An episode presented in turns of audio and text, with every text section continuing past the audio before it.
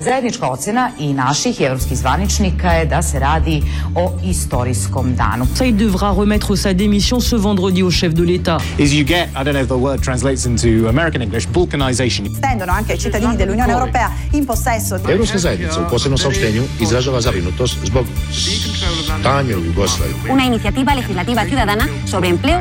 Da vlada u septembru planira novo zaduženje. Our nation is in peril. Those are the words of the former Prime Minister Tony Blair. Verteilung von Flüchtlingskontingenten. I see such an base opening up for prize in the center of Europe today. Offside.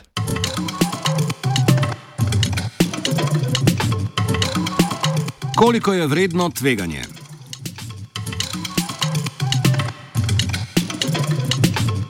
Odbor Evropskega parlamenta za ekonomske in monetarne zadeve je izdal mnenje, v katerem nasprotuje novi regulaciji finančnih trgov, znani kot Bazelski dogovor 4. Brez odobritve Evropskega parlamenta nov dogovor, ki ne bi bil sprejet do konca leta na evropskih tleh, ne bo mogel stopiti v veljavo. Bazelski dogovori, trenutno je v veljavi Bazelski dogovor 3, na podlagi prostovoljne odločitve držav določajo potrebno kapitalsko ustreznost bank. Torej, koliko kapitala mora banka imeti v razmerju do svojih naložb, ki vključujejo tako posojila kot vrednostne papirje. Ta kapital naj bi torej zadoščal za kritje morebitnih nepoplačanih posojil ali propadlih naložb. S prihajajočim dogovorom Bazel 4 bi se zahteve glede kapitalske ustreznosti zaostrile.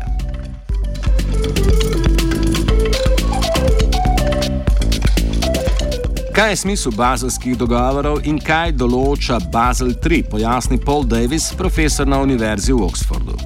So the Basel Committee on Banking Supervision is the body which lays down international standards designed to secure the safety and soundness of banks, especially banks operating across borders. And it's um, a body that's been in operation since before the financial crisis. Um, but uh, after the financial crisis, it uh, revised its rules, not surprisingly, because these had been shown to be inadequate uh, in controlling the risks that emerged in the financial crisis itself. Um, so uh, they had they had produced sets of rules generally referred to as Basel I and Basel II before the crisis. They produced Basel Three after the crisis, and now there's talk about Basel IV. So, one of the big principles in the Basel rules is the notion that a bank's assets at all times uh, should exceed its liabilities by a certain amount. Uh, and that ex- excess has to be funded by the bank shareholders, either as a result of shares which the uh, shareholders have bought or as a result of profits which the bank has made in the past and has kept within the bank rather than distributing them to the shareholders. So the big debate in this area, in, in this area which is called the, the capital adequacy part of the Basel rules, the big debate is how big that ex- excess uh, should be. Dogovor Basel 4, čeprav še ni dokončan, bo po pričakovanjih dvignil višino kapitala, ki ga morajo imeti banke glede na višino naložb.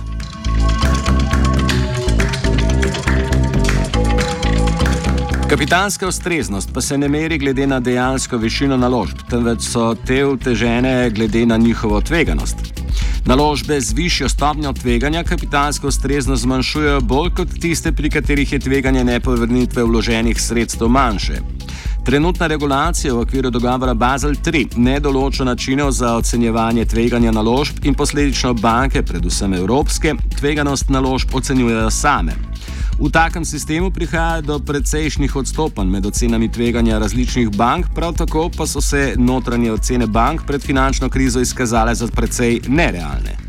The second issue is whether the amount of risk that a bank is running should be assessed by the regulators or by the banks themselves.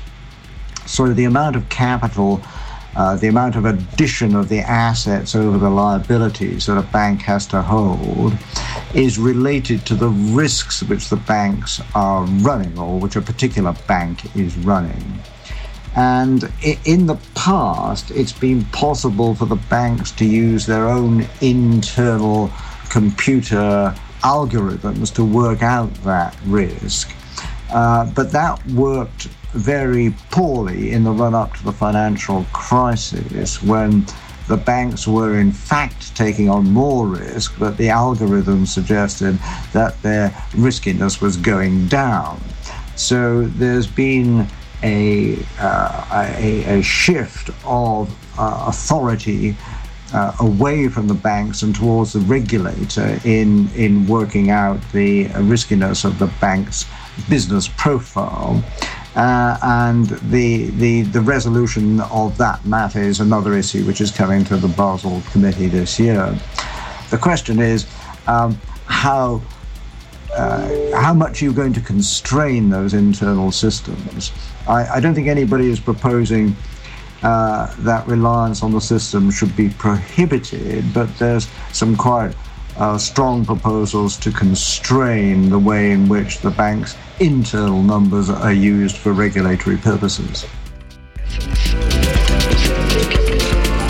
Dogovor Basel IV naj bi torej omejil svobodo bank pri ocenjevanju tveganja svojih naložb.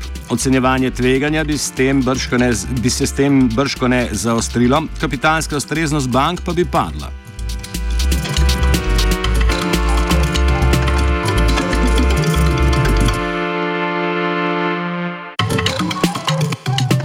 Takšna ureditev pa bi primarno prizadela evropske banke, ki se posledično bojijo za svojo konkurenčnost. Banke v Združenih državah Amerike namreč že sedaj tveganost naložb ocenjujejo po standardiziranih modelih. Nadaljuje Davis. One reason um, might be that the American regulatory authorities already have constrained the use of internal ratings. Uh, so that what is being proposed, if you like, in Basel is an extension of the US rules into the, the general international uh, standards. Um, so that it may be that um, uh, the, the American banks are already there, already having to cope with this situation, and so it, it's in a sense less of a worry for them because they've already already learned out how to de- learned how to deal with it. Bančni sektor, predvsem evropski, razumljivo nasprotuje nadaljni regulaciji svojih storitev. Bančniki trdijo, da bo zaostrovanje zahtev po kapitalski ustreznosti omejilo njihove možnosti za izdajo posojil in s tem financiranje gospodarstva. S tem pa bo pospeševanje gospodarske rasti še bolj oteženo.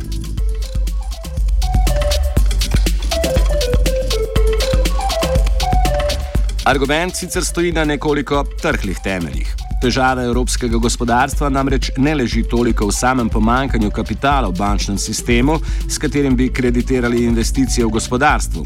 Problem je v veliki meri pomankanje povpraševanja, ki bi spodbudilo nove investicije in usmerjanje kreditiranja v področja, ki nimajo nujno najvišjega potencijala za zagon gospodarstva. Kljub temu pa drži, da bazenska pravila do neke meje ojačujejo cikličnost finančnega in gospodarskega sistema. V času konjunkture je namreč povečano kreditiranje gospodarstva prinašalo tudi več kapitala, kar je nadalje omogočalo povečevanje kreditiranja. V času krize pa pravila o kapitalski ustreznosti omejujejo povečanje kreditiranja. Davis temu argumentu priznava legitimnost, a izpostavi, da je bil storjen napredek tudi na področju zagotavljanja sistemske stabilnosti.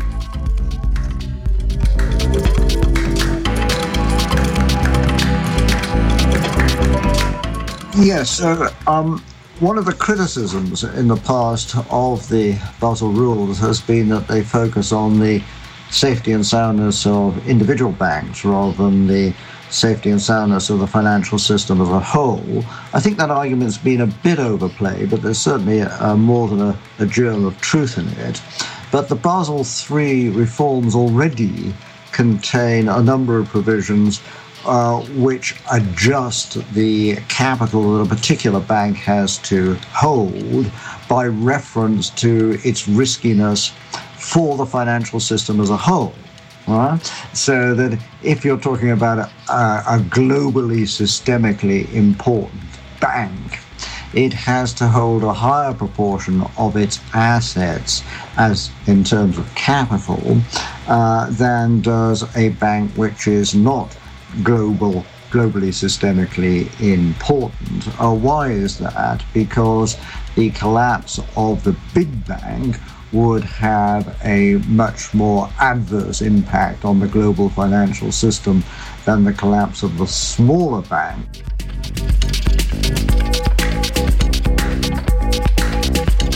Offside je pripravil Twitter.